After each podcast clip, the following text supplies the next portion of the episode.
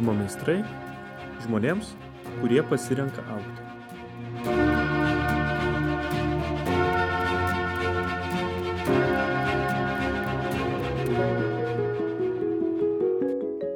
Sveiki, su jumis žurnalistė Ginta Gaivenytė ir tinklalaidė ugdymo meistrai. Šiandien kalbamės apie dalymosi kultūrą. Kodėl svarbu dalintis tuo, ką turime? Ir ar mokame tai daryti? Studijoje kartu su manimi yra Aneta Šliekytė Kamininė. Ji tyrimo apie filantropiją autorė ir gali ilgai pasakoti apie tai, jog Lietuvoje yra žmonių, kurie prisideda prie švietimo klėstėjimo. Vienu iš tokių žmonių galite būti ir jūs. Pavyzdžiui, galbūt mūsų pokalbis jūs įkvėps tapti ūkdymo meistrų rėmėjų. Sveika, Aneta. Sveika, Ginta, sveiki visi. Pirmiausia, papasako, kodėl tau pačiai yra tiek svarbi ši dalymosi kultūros tema. Tikrai matau prieš save tas degančias tavo akis. Mat, žinau, kad tai nėra verslo dalis, tai, kad tu šneki, žinau, kad tai yra, tu tuo tiesiog gyveni. Mhm. Tai pirmiausia, matyti šeima. Šeima, kuri, kurioje užaugau. Ir nuo pat mažens buvau skatinama iš tikrųjų dalintis dalintis ir, ir mano tėvai visada akcentavo, kad vienas esi kovoj ne karys ir ne tik kovoj, kad svarbu surasti bendrystę ir bendrystė atsiranda per dalinimąsi. Tas dalinimasis gali būti materialiniam vertybėm ar ne, bet ir nematerialiniam, kurios gali prisidėti prie mūsų visų gerovės. Antra priežastis, matyt, ilgas laikas praleistas akademiniai bendruomeniai, už ką aš esu dėkinga, ir įkvėpimas tarp žmonių, kurie atsidavusiai pasišventę švietimui ir pokyčiai ar ne. O trečias tai yra pagaliau vis besiplečianti dalinimosi kultūra ir nuolatas ryšys, sutikimas žmonių, kurie nori tą daryti, daryti kartu. Tai matytos pagrindinės priežastys šios. O kaip tu pati atėjai iki to, kad tai tapo tavo darbu? Labai įdomiai. Tai iš tikrųjų savanoriavau, savanoriavau organizacijai, kurioj, kurioj buvau šalia. E, ir organizacijos tikslas buvo iš tikrųjų prisidėti prie jaunų talentingų vaikų ateities, ar ne? Ir savanoriavau šešerius metus, kol pagaliau tapau tos organizacijos vadovė. Tai, tai toks įkvepiantis kelias, kada gali duoti, ne tik šiaip savo duoti ar ne, bet duoti žmogui meškerę, Ir kai duodi meškerę, po kiek laiko pamatai, kad su tą meškerę pagavo žuvį. Ir visai užstambę žuvį. Tai tada be galo yra nu, toks aplanko prasmės jausmas ir tikrosios, kodėl šio žemėsi. Kaip suprantu, tiesiog buvo tas noras rasti prasmingą darbą, dirbti ne tik. Tikrai taip ir tai buvo nueitas kelias. Nebuvo taip, kad iš karto aš atėjau ar ne ir taip džiaugiausi. Mano profesinė veikla buvo vingiuota ir tarkim, dirbau ir versle, tai dirbau transporto ir logistikos srityje, kuri yra pakankamai racionaliai ir, ir viskas apskaičiuota, ar ne, ir po to pasuko kelias į Išvietimą į akademinę bendruomenę, kurioje apskritai iš viso praleido jau 15 metų, tai toks uh, step by step, kaip sako, ar ne, tai kuo tu labiau uh, keliauji savo keliu, a, ieškai ir jeigu esi ieškotojas, ieškai, kad ne, ne tik kas tau truk, galbūt pačiam kurtų prasme, bet ieškai, kad tai būtų prasminga veikla. Tai man pasisekė labai. Papasako, kodėl tau ypač svarbu atrodo remti švietimą? Na, tai jeigu galvotume apie švietimą ar ne, tai pirmiausia tai yra sritis, kuri na, visame pasaulyje priklauso kiekvienos valstybės ateitis. Tai aš galbūt išskirčiau, kad tai yra pirmų prioritetų šalis, kuri užtikrina progresą ir žmonių ateitį, ne tik tą plačiają prasme, kai mes žiūrime į bendro vidaus produkto rodiklius ar kitus, bet kiekvieno iš mūsų gyvenimus. Ir šitoje vietoje švietimui, jeigu remiantis ir pasaulinę praktiką, labai ko tyrimai yra įrodę, tyrimai konkrečiai yra įrodę ir susiję, kuo yra aukštesnė dalinimosi kultūra, tuo netgi pati švietimo kokybė yra aukštesnė, ar ne? Tai jeigu mes kalbėtume apie filantropijos arba dalinimosi kultūros, kur jį labiausiai paplitusi, tai žinoma, tai yra Junktinės Amerikos valstijos. Europoje galbūt nelabai, Didžioji Britanija skirtume. Tai pasižiūrėtume, na, kur mūsų jaunuoliai ar me, ar vaikai va, nori stoti. Tai dabar Brexit galbūt atsirado, bet tikrai didžiąją dalimi važiuodavo į, į Didžiosios Britanijos universitetus, nes tai yra vieni geriausių universitetų, e, taip pat lygiai kaip ir Junktinių Amerikos valstijų ir netgi šių metų rezultatus pasižiūrėjus, tai pirmajam top dešimtuke yra 27 universitetai iš Junktinių Amerikos valstijų ir 18 iš Didžiosios Britanijos, o pirmasis dešimtukas yra būtent iš šių šalių. Ir tai vienareikšmiškai tyrimais įrodyta, kad kuo labiau prisideda a, verslo bendruomenė ar individai, ar ne, ne tik kaip valstybė, ar ne, kuo mes plačioji visuomenė patys prisidedam prie švietimo, tuo jos ir kokybė yra geresnė. Tai to linkiu labai Lietuvai.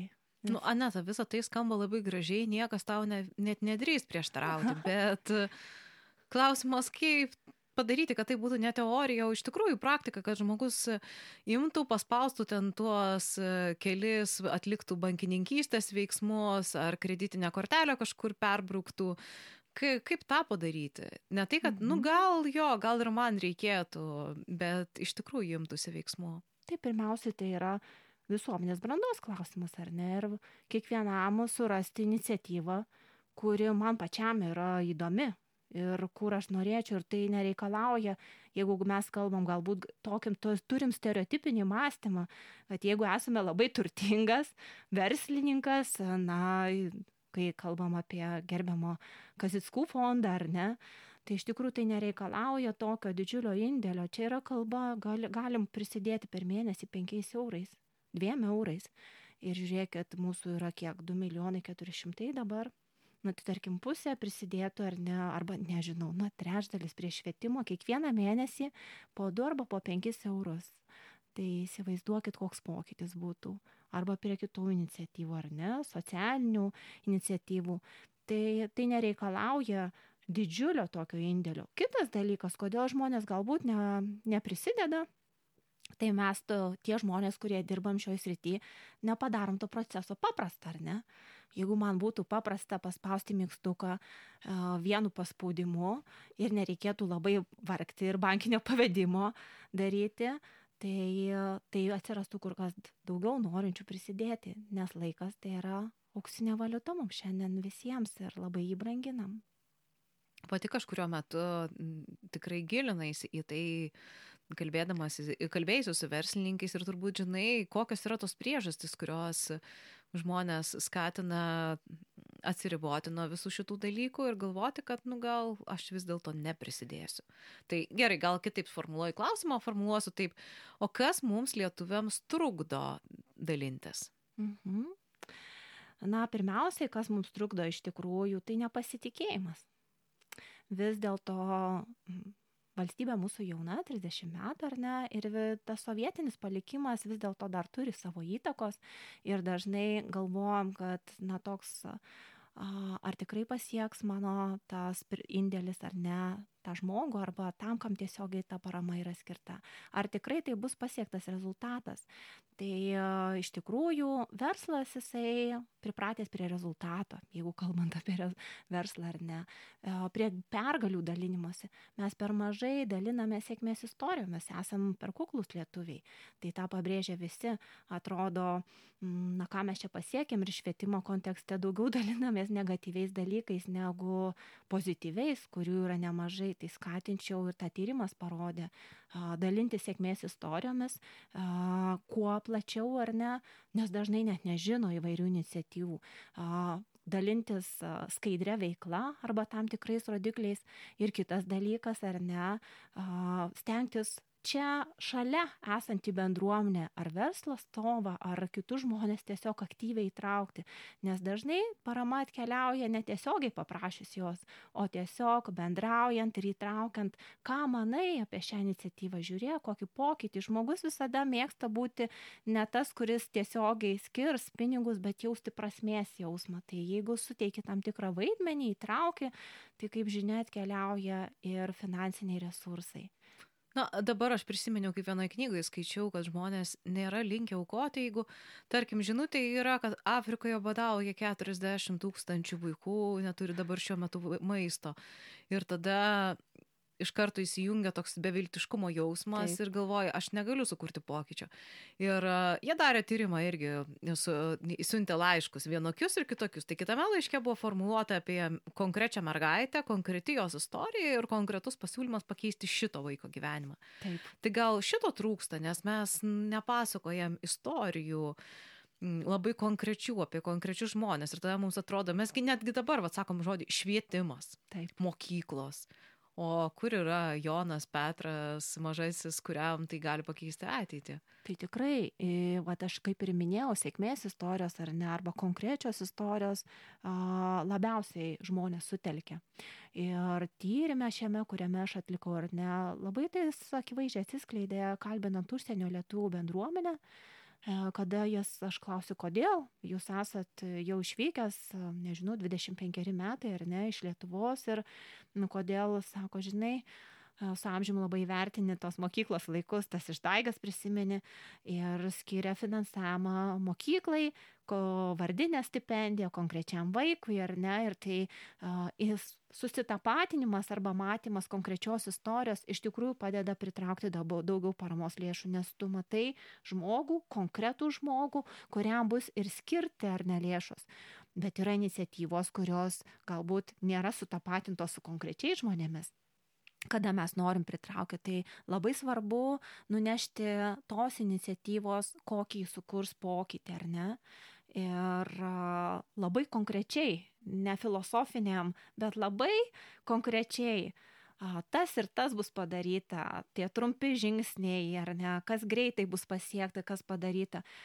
Tai mano pačios patirtis rodo, ji, at, ginta kalbinį ir vis, vis, ar ne, sakai, kokie tie feilai. Tai paprasčiausiai, na, toj veikloj man daug feilų nebuvo todėl kad e, šitoj, jeigu dirbi kaip ir filantropijai, kaip ir kitoj srityje, pakankamai turi tikslingai žinoti, ką tu nori padaryti ir tikslingai nueiti pas tikslingą žmogų, kuriam tai rūpi. Tai čia lygiai taip pat gerai atlikti namų darbai, ar ne? Tai bet ko nenueisi ir nepaprašysi. Ir kita dalykas yra, mums lietuviams yra toks, nežinau, dar uh, identiteto klausimas, mes tai suvokiam kai, kaip išmaldos dalyką, aš prašau išmaldos. Tai suvokimas, jautimasis su to vaidmenyje ir nu, pačiam patogiai, ar ne, kad aš neprašau išmaldos, aš einu telkti ir kviesti partnerystėj prasmingus dalykus daryti. Tai kai taip atsitinka, tai iš tikrųjų, na, daug žmonių nori jungtis ir dešimt metų mes jau turime filantropijos kultūrą besikūrenčią. Ir šiandien dienai vat, mane nustebino tyrimo rezultatai, kad dažnas iš tyrimo dalyvių paminėjau, kad tai yra madinga. Madinga prisidėti ir dalyvauti filantropinėse veiklose. Ir jeigu vis dėlto tu jau nori kurti visuomenę arba užimti tam tikrą vaidmenį, tai netgi privalai tai daryti. O, tai čia tokie tyrimo galbūt žmonės, kurie aktyviai dalyvauja veikloje. Tie, kurie aktyviai nedalyvauja veikloje ar ne, kas jiems trukdo tą daryti. Tai stereotipai vėlgi tie patys - nepasitikėjimas ir laikymas švietimo tokia valstybės rytimi. E, suvokimas, kad čia savininkystė yra valstybės ir, ir mes čia tik šalia esam. Tai, na, va tokie. Na, aš iš tikrųjų dabar galvoju, kad kai tu sakai remti švietimą, tai taip ir atrodo, kad mokyklai supirkti suolus arba naujus kompiuterius. Ką tai reiškia remti švietimą? Tai reiškia investuoti į žmonės, investuoti į mūsų ateitį, nes vaikai, kurie auga ar ne didžiaja dalimi, tai ir yra mūsų ateitis. Ir labai paprastai, ar ne, čia neminėsiu pavardžių, bet vieno kalbinto žmogaus buvo paminėta. Tai žinai, net aš įsitraukiu, na vien dėl to, kad galvoju, kas man mokės pensijas. Tai labai konkretus pavyzdys, kai žmogus galvoja, nu reikia padėti tiem žmonėms susikurti savo gerovę, vaikams, kurie auga, kurie vėliau kurtų šalies ir mano tą gerovę, ar ne? Tai vis dėlto toks ir pragmatiškas, ir kartu toleregiškas požiūris. Ir šitoj vietoj aš dar kartą pabrėšiu, kad tai ne tik verslininko, mes tėvų bendruomenės, kada nu, labai mane įkvepia pavyzdžiai, kalbant su užsienio lietų bendruomenė, e, konkrečiais verslininkais, nes jie manęs paklausė, gerai, Anet, ar tu turi mokyklinio, amžiaus vaikų, sakau, turiu. Tai sako, pasakyk, kiek tu per metus sudalyvauji mokyklos veikloje savanoriškoje, naidama, skaitydama paskaitas, įsitraukdama na sakau žinai mano tokia veikla aš tokia labai netradicinis žmogus tai įsitraukiu sakau nu kokių nuo dviejų iki penkių kartų sako mes kaip tėvai įsitraukiam kiekviena šeima mažiausiai aštuonis kartus einam organizuoti tam tikras veiklas savanoriškas renkam lėšas vaikų stovykloms ir taip toliau ir tai galvoji na tai viena kaip čia geriausių pragyvenimo lygių pasižyminti šalis. Šiaip čia yra įdomu, kad, kad iš esmės mes dažnai galvojam, kad netgi lengviau duoti pinigus, negu įsitraukti savanoriškai ir dalyvauti kurioje nors veikloje. Tikrai taip. Ir iš tyrimo akivaizdžiai tyrimo dalyviai ir pasidalino, sako, man lengviausia duoti pinigus. Mano laikas yra brangesnis ir sako savanoriškai, nors aš suprantu, kad mano patirtis galbūt galėtų būti ir naudingesnė negu pinigai, ar ne? Bet nu, pinigų davimas, uh, sako, lygiai taip pat, kai tu neturi laiko savo vaikui, ką tu darai, aš tau nupirksiu čiulpinuką ar ne, nupirksiu ledų ar dar kažką. Tai toks vengimas yra tam tikros atsakomybės. Tai su branda atkeliauja vat, tavo supratimas, kad tavo patirtis pirmiausiai gali kurti dar didesnę veiklą. Ir savanoriškai kiekvienas paprastas pilietis, aš pati, pati paprasta pilietė savanoriško veiklo ir dabar dalyvauju, na, kuria dar didesnę vertę negu skiriami pinigai.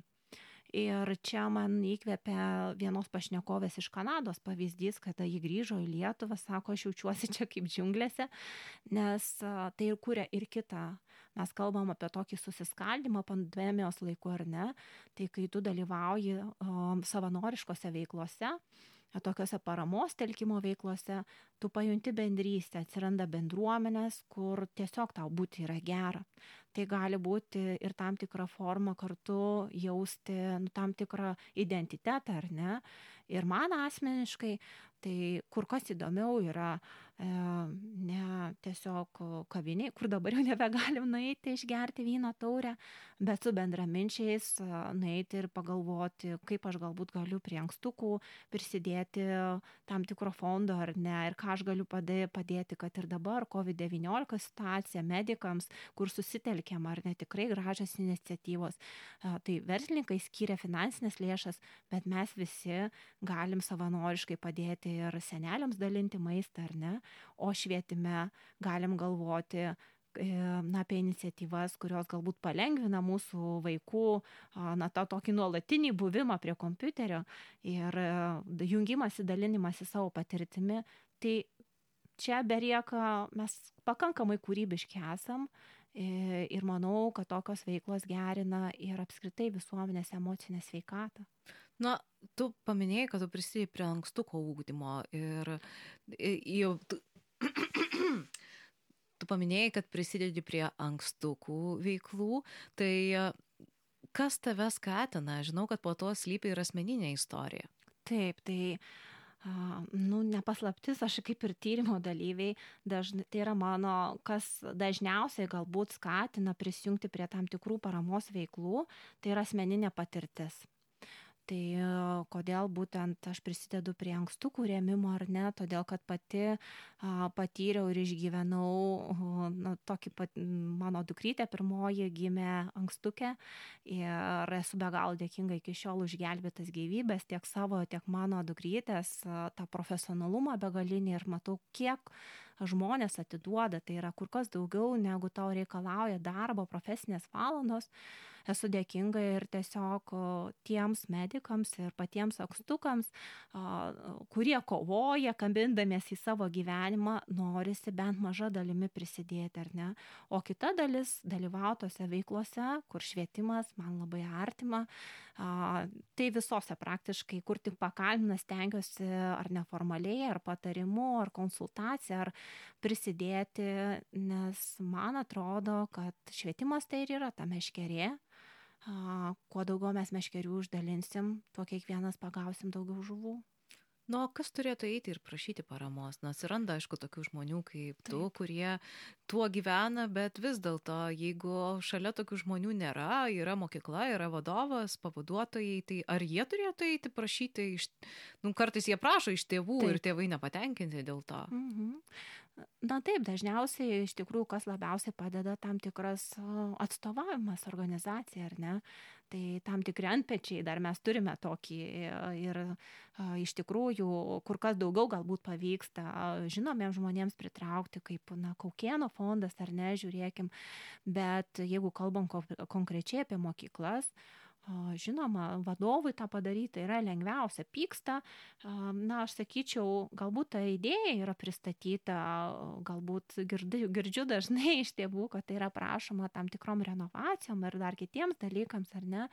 Tai skatinčiau apie kūrybiškas tas pagalvoti iniciatyvas, kurios susiję su ūkdymu vaikų tai ir tėvai, manau, labiau norės įsitraukti ir pagaliau galbūt pirmiausiai pradėti tėvus įtraukiant savanoriškas, jų paklausant ar ne pirmiausia, o kaip jūs manot, kad tai netaptų tokiu primetimu, o vat savininkystę suburti komitetus, kaip jūs galvot, kur iš tėvų komitetų išplauktų toks noras burti bendruomenę, kuri ir kuria gerovę tą mokyklos, darželio, kaimelio, miesto.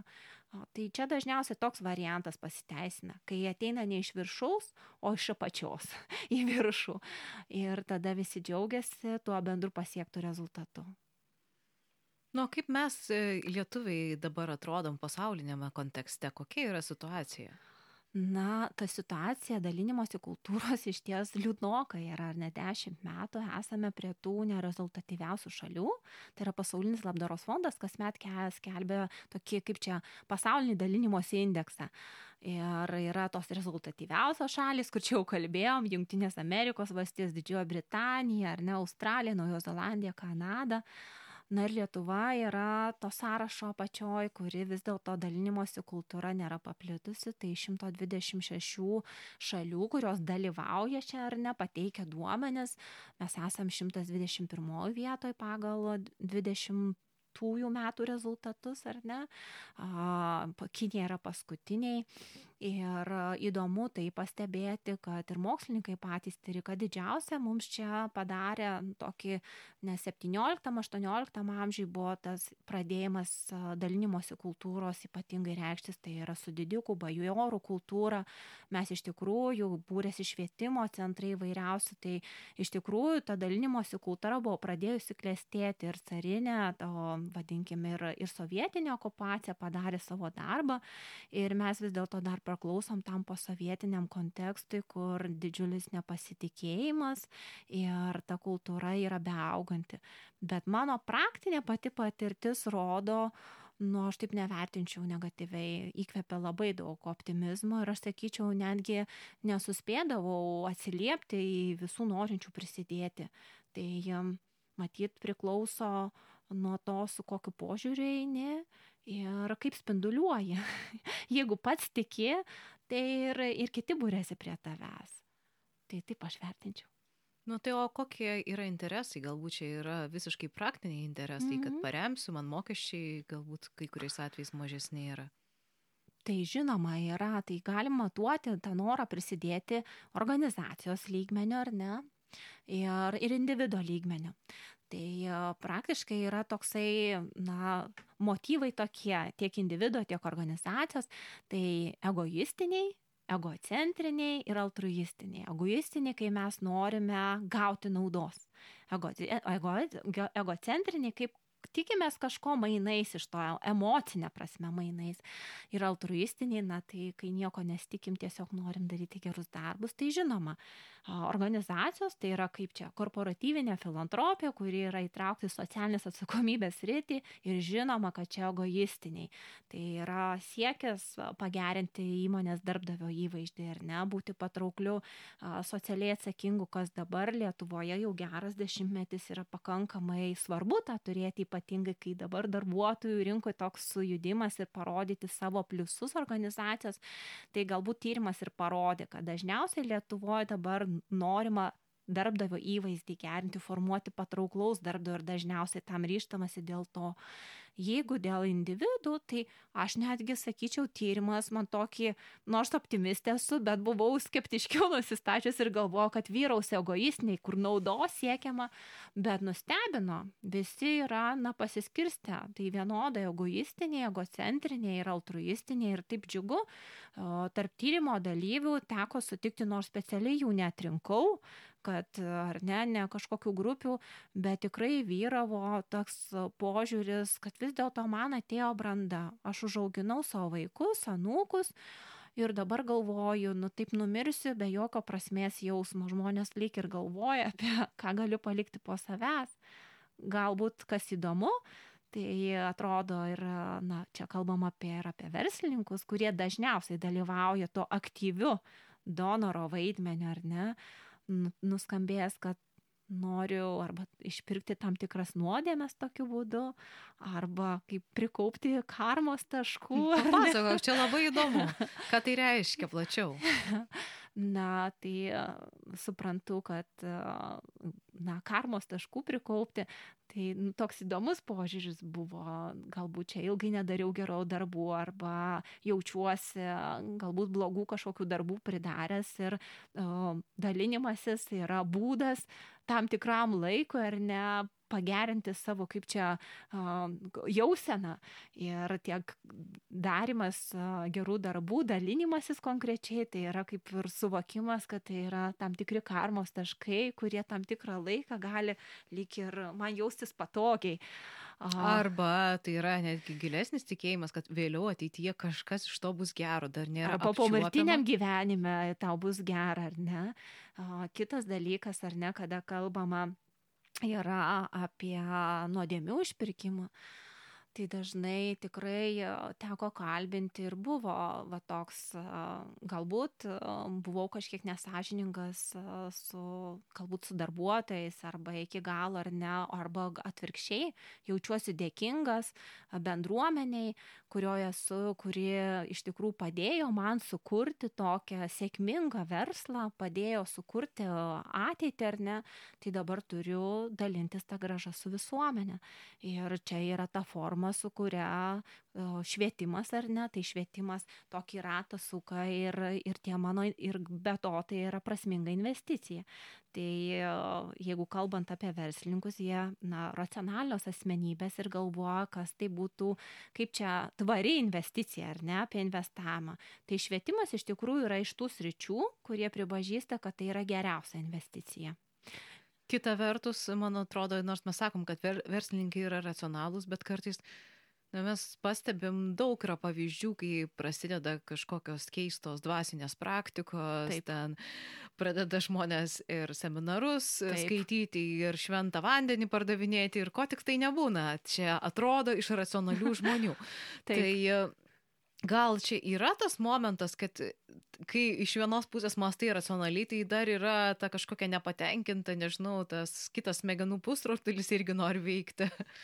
Aš sakyčiau, tai yra brandos laikas, nes jeigu netgi ir užsienio tyrimai rodo ir, ir vis dėlto mano tyrimo dalyvių amžius yra beprasidantis buvo, kaip be būtų geista, nuo 35 metų. Tai vis dėlto matyti yra tas po trisdešimties kada tu pradedi galvoti ne tik apie save tu jau galbūt esi sukūręs materialinę gerovę bent kažkokią ar ne ir tada tau pradeda galbūt tu jau atsitraukinėji na keturiasdešimties penkiasdešim penkių jeigu taip jau a, ta daugiausiai tai ir, ir vyresni žmonės, ar ne, jau atsitraukinėja nuo aktyvios veiklos ir nori savo surasti prasmingą veiklą, kuri, kuri tiesiog džiugintų kaip alternatyva tavo profesiniai veiklai. Tai dažnai įsitraukia tikrai įvairių, įvairių organizacijų ir valdybas ir net lygintinai dalyvauja ir dalinasi savo patirtimi. Ir aš galvoju, kad ir mano asmenis patirtis rodant, tai iš pradžių savo profesinės karjeros pradžioje dirbau transporto ir logistikos įmoniai, ar ne, ir, ir po to keliavau į prasmingus dalykus. Ir kuo toliau, tuo labiau, nors mano vyras sako, žinai, kažkaip tikiuosi, kad vis tas fonas dalinimosi mažės, bet matau tik tai auga ir to susidomėjimo sritis, tai matyti tai yra ir su amžium. Su amžium, nes tu vis labiau galvoji, kokį tą pėdsaką nori palikti po savęs. Užaugintas vaikas, pasodintas medis ar ten pastatytas namas, nu, man atrodo, nėra gana ir nėra taip jau. Tai čia kiekvienas mes, žinai, su, pagal save matuom, bet džiaugiuosi, kad visuomenė vis labiau tai supranta. Čia gerai skamba užauginti namą, pastai, užauginti medį, pastatyti namą, vis dėlto nėra gana. Taip, Tai ir pagaliau, žinai, globalizacijos procesai mus labai veikia. Mes pagaliau labai daug keliaujam ir matom, ir, ir kurį laiką labai siekiam būti vakariečiais.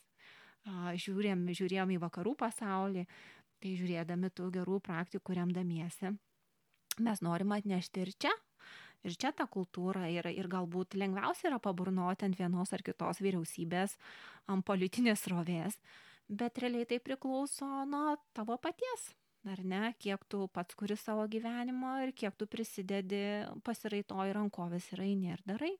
Vis dėlto dar man čia atrodo, kad mesgi kalbam apie dalymosi, o ne davimo kultūrą. Čia irgi tokie du žodžiai, mhm. kurie truputėlį turi skirtingas reikšmės. Tai Taip. tarkim, jeigu aš kuriu dalykus, už kuriuos man niekas nemoka ir niekas su manim nesidalyja, tai tada logiška, kad ir aš taip jau nepuolu dalintis, nes galvoju, nu tai palaba, tai ir su manim niekas nesidalyja, tai tada ir aš nesidalinsiu. O jeigu, pavyzdžiui, jau yra ta dalymosi kultūra ir tave kažkas paremia net lygintinai.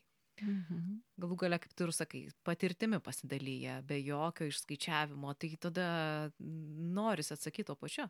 Mhm. Taip, dažnai iš tikrųjų yra taip savo istorijų kam aktyviai ir pati prisidėjau, tai yra paskatinimas ar ne, jaučia įsipareigojama žmonės, ypatingai na, prie jaunų žmonių, kurie, tarkim, gavo stipendijas ir stojo, na, čia ir universitetus, sako, man yra didžiulis atsakomybės jausmas, kad aš lygiai taip pat turiu sugrįžti su tuo pačiu. Tai čia jau taip, bet, vad minėjau, jeigu čia su manim nesidalino, tai ir aš nesidalinsiu. Na, tai priklauso nuo, to, nuo tavo paties vertinimo, ką tu vadini dalinimasi. Ar tu vadini, kažkas tau euro nedavė, ar, ar, ar žinai, kiekvieną dieną vyksta tarpusavio mainai. Tai kaip tu tai žiūrėsi? Patarimas tai yra jau dalinimasis. Dalyvavimas užklasiniai veikloj yra dalinimasis, tiek kiek tu nori tai priimti ir pagaliau to pačio pirmiausiai pats pasidalink ir pamatysi, kiek daug norėsi tam pasidalinti. Tai ačiū, Aneta, už tokį įkvepiantį pokalbį. Ir tikiu, kad tau tikrai švietime. Tu turi tokių įdomių minčių dar. Gali gal dar pasidalinti pačiai pabaigai, kokiu tu minčių apie švietimą turi, kaip tu galvoji kurti pokyčius toliau. Tai įvairios tos mintys, ar ne, dėliojasi ir, ir žinai, net nežinau, ar verta, aš toks žmogus esu, kad dalinuosi tada, kai padarau. Nes uh, daug yra idėjų. Ir uh, vienas mūsų pažįstamas verslininkas draugė pasakęs, tai tas idėjas tiesiog dažnai uh, ieškom unikalių idėjų, bet uh, reikia imti pasiteisinusias idėjas ir jas dauginti. Dauginti, nes geri darbai, jeigu jie pasiteisino, tai imkim juos ir padarykim. Tai mano tikslas prisidėti prie tų iniciatyvų, kurios veikia, padaryti kur kas, bet didžiausia prasme yra man pačiai ar ne, kaip paskatina, paskatini kitą veikti. Kai subūri to bendraminčių ir užkirti, kuris buvo absoliučiai skeptikas. Aš dabar iš savo asmeninės patirties įgyvendinau tikrai vieną svarbų projektą man asmeniškai, ar ne, kuris vadinosi švietimo lyderystė mano profesiniai veikloj ir turėjau intensyviai beveik metus laiko kalbinau vieną verslo kontaktą nuo pat pradžios ir jisai man sakė, nu kam tau to reikia, čia yra kryžiaus keliai, neprisidėsiu. Žinok, neprisidėsiu, nes aš esu visiškas skeptikas, čia, žinok, nieko čia nebus, valdžios keičiasi, nieko. Nu ir aš taip nepaleidau jo, vis sugrįždavau kas mėnesį ir po penkių mėnesių pakviečiau prieš kalėdas vakarienės Nu, sako, žinok, aš žiūriu tas tavo degančias akis. Nu gerai, darom. Tai dar po penkių mėnesių ta iniciatyva buvo padaryta ir, ir tokias uh, iniciatyvas apskritai ir žmonės uh, reikia tiesiog juos labiau palaikyti, padrasinti, einam ir darom. Ir šitoj vietoj nereikia laukti kažko kito, kuris tave padrasins. Mano suvokimui svarbiausia kiekvieno žmogaus identiteto klausimas, kad tu suvoktum, kad tu pats gali kurti pokytį tai ir švietime didžiausia aš matau tą nedrasumą mūsų, kalbant, kad trūksta kažko, bet o ką užduoti klausimą, ką aš padariau, tarkim, kad mano mokykloje, kur mano vaikas eina, kalbam apie patyčias, kad tų patyčių būtų mažai, ar ne? O ką aš padariau, kad toj mokykloje technologinė prasme, tai labai didelių resursų čia nereikia. Matyt, tiek. Tai gerai, ačiū tau už pokalbį tada. Ir tu mane jau irgi įkvėpiai padaryti gerą darbą ir aš planuoju vienai podkastus kuriančiai, kuriantiems kolegoms pervesti šiek tiek pinigėlių. Dabar pasižadėjau, tai turėsiu tą padaryti. Ir nu gerai, čia kažkokia ta durna pabaiga labai. Reikia susikaupti ir padėkoti. Mm, ai, nu gerai, dar vienas klausimas, aš matau, kad aš nebaigiau dar. Taip. dar žinai, dar man atrodo, kad čia labai svarbus yra tas iš tiesų pozityvus neapsimestinis požiūris, nes, nu man taip, a, į tave žiūrint atrodo, kad tu tiesiog nepykstant žmonių, jeigu jie sako ne žinok, nepykstu ir aš tau galiu pasakyti, matyt, aš ir nu labai nustebinau. Buvo man tokia situacija, vad klausė, žinai, nu, tai kiek tu tų feilų turėjai, eidama kalbėtis, kviestama partnerystėje dalinimus. Arba kiek tau nepavyko, neprisidėjo. Tai buvo viena istorija, kur aš kviečiau prisidėti prie vieno paramos renginio ir tai buvo nedidelė finansinis resursas, bet man pasakė ne. Man pasakė ne ir labai konkreti, aš tiesiog prašiau išleisti paramos bukletus vienos leidyklos nemokamai. Ir sako, na, dėje negalim. Na gerai. Ir buvo taip, kad aš tą renginį važiavau pristatinėti ar ne. Ir kaip tik vienam renginyje buvo leidyklos tas pats atstovas, kuris, kuris žodžiu, išgirdo. Ir išgirdo, Ir man tokiai nuostabai viskas gerai, aš radau kitą leidyklą ir ten išspausdino tos bukletus. Prieina nedrasiai prie mane, sako, aš noriu jūsų atsiprašyti. Aš jau ne, ne, nebeprisimenu labai, kai eini pirmą kartą pa žmogų ir, nu, kartais tos veidus. Sakau, kodėl? Sako, tai mes neprisidėjom, bet jūs tik niekam nesakykit, mums taip gėda, ar galim mes prisidėti dabar? tai vad supranti, kad nu, žiūrint, tu negali smerkti.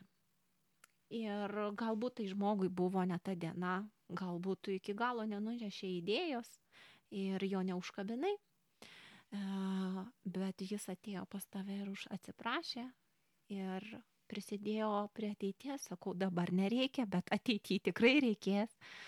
Tai šitai vietai tikrai svarbu, nu, tokiu pozityvu, nenukabinti nosies ir neparodyti, nesuteikti žmogui nepatogumo, kad aš dabar nedaviau ir, ir čia blogai ir, ir taip toliau. Tai šitose veiklose labai organinis toks kvietimas ir pačiam su savim gerai jaustis, ar ne?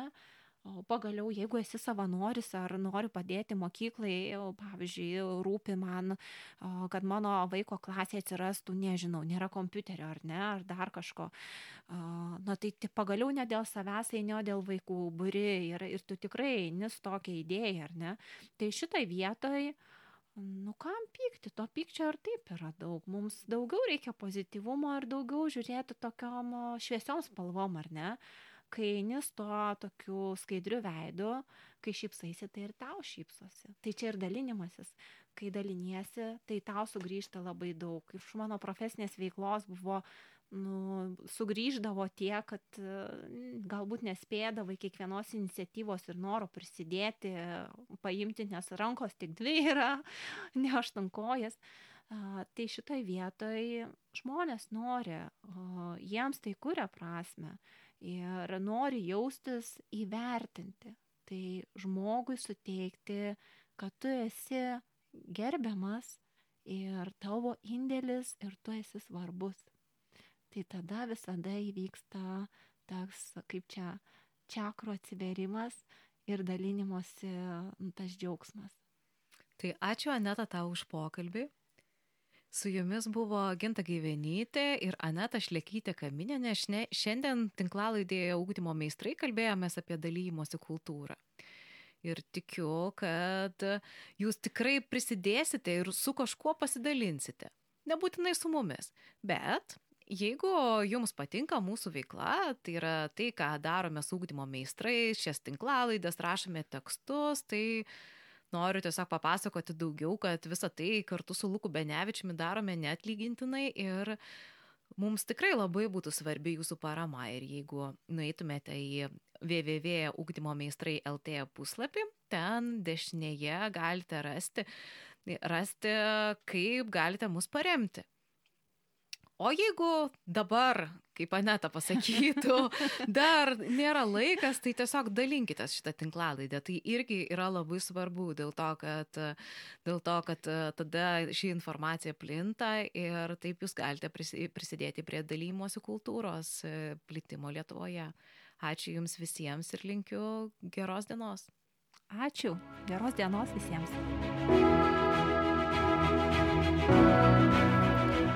Ugdymo meistrai žmonėms, kurie pasirenka aukti.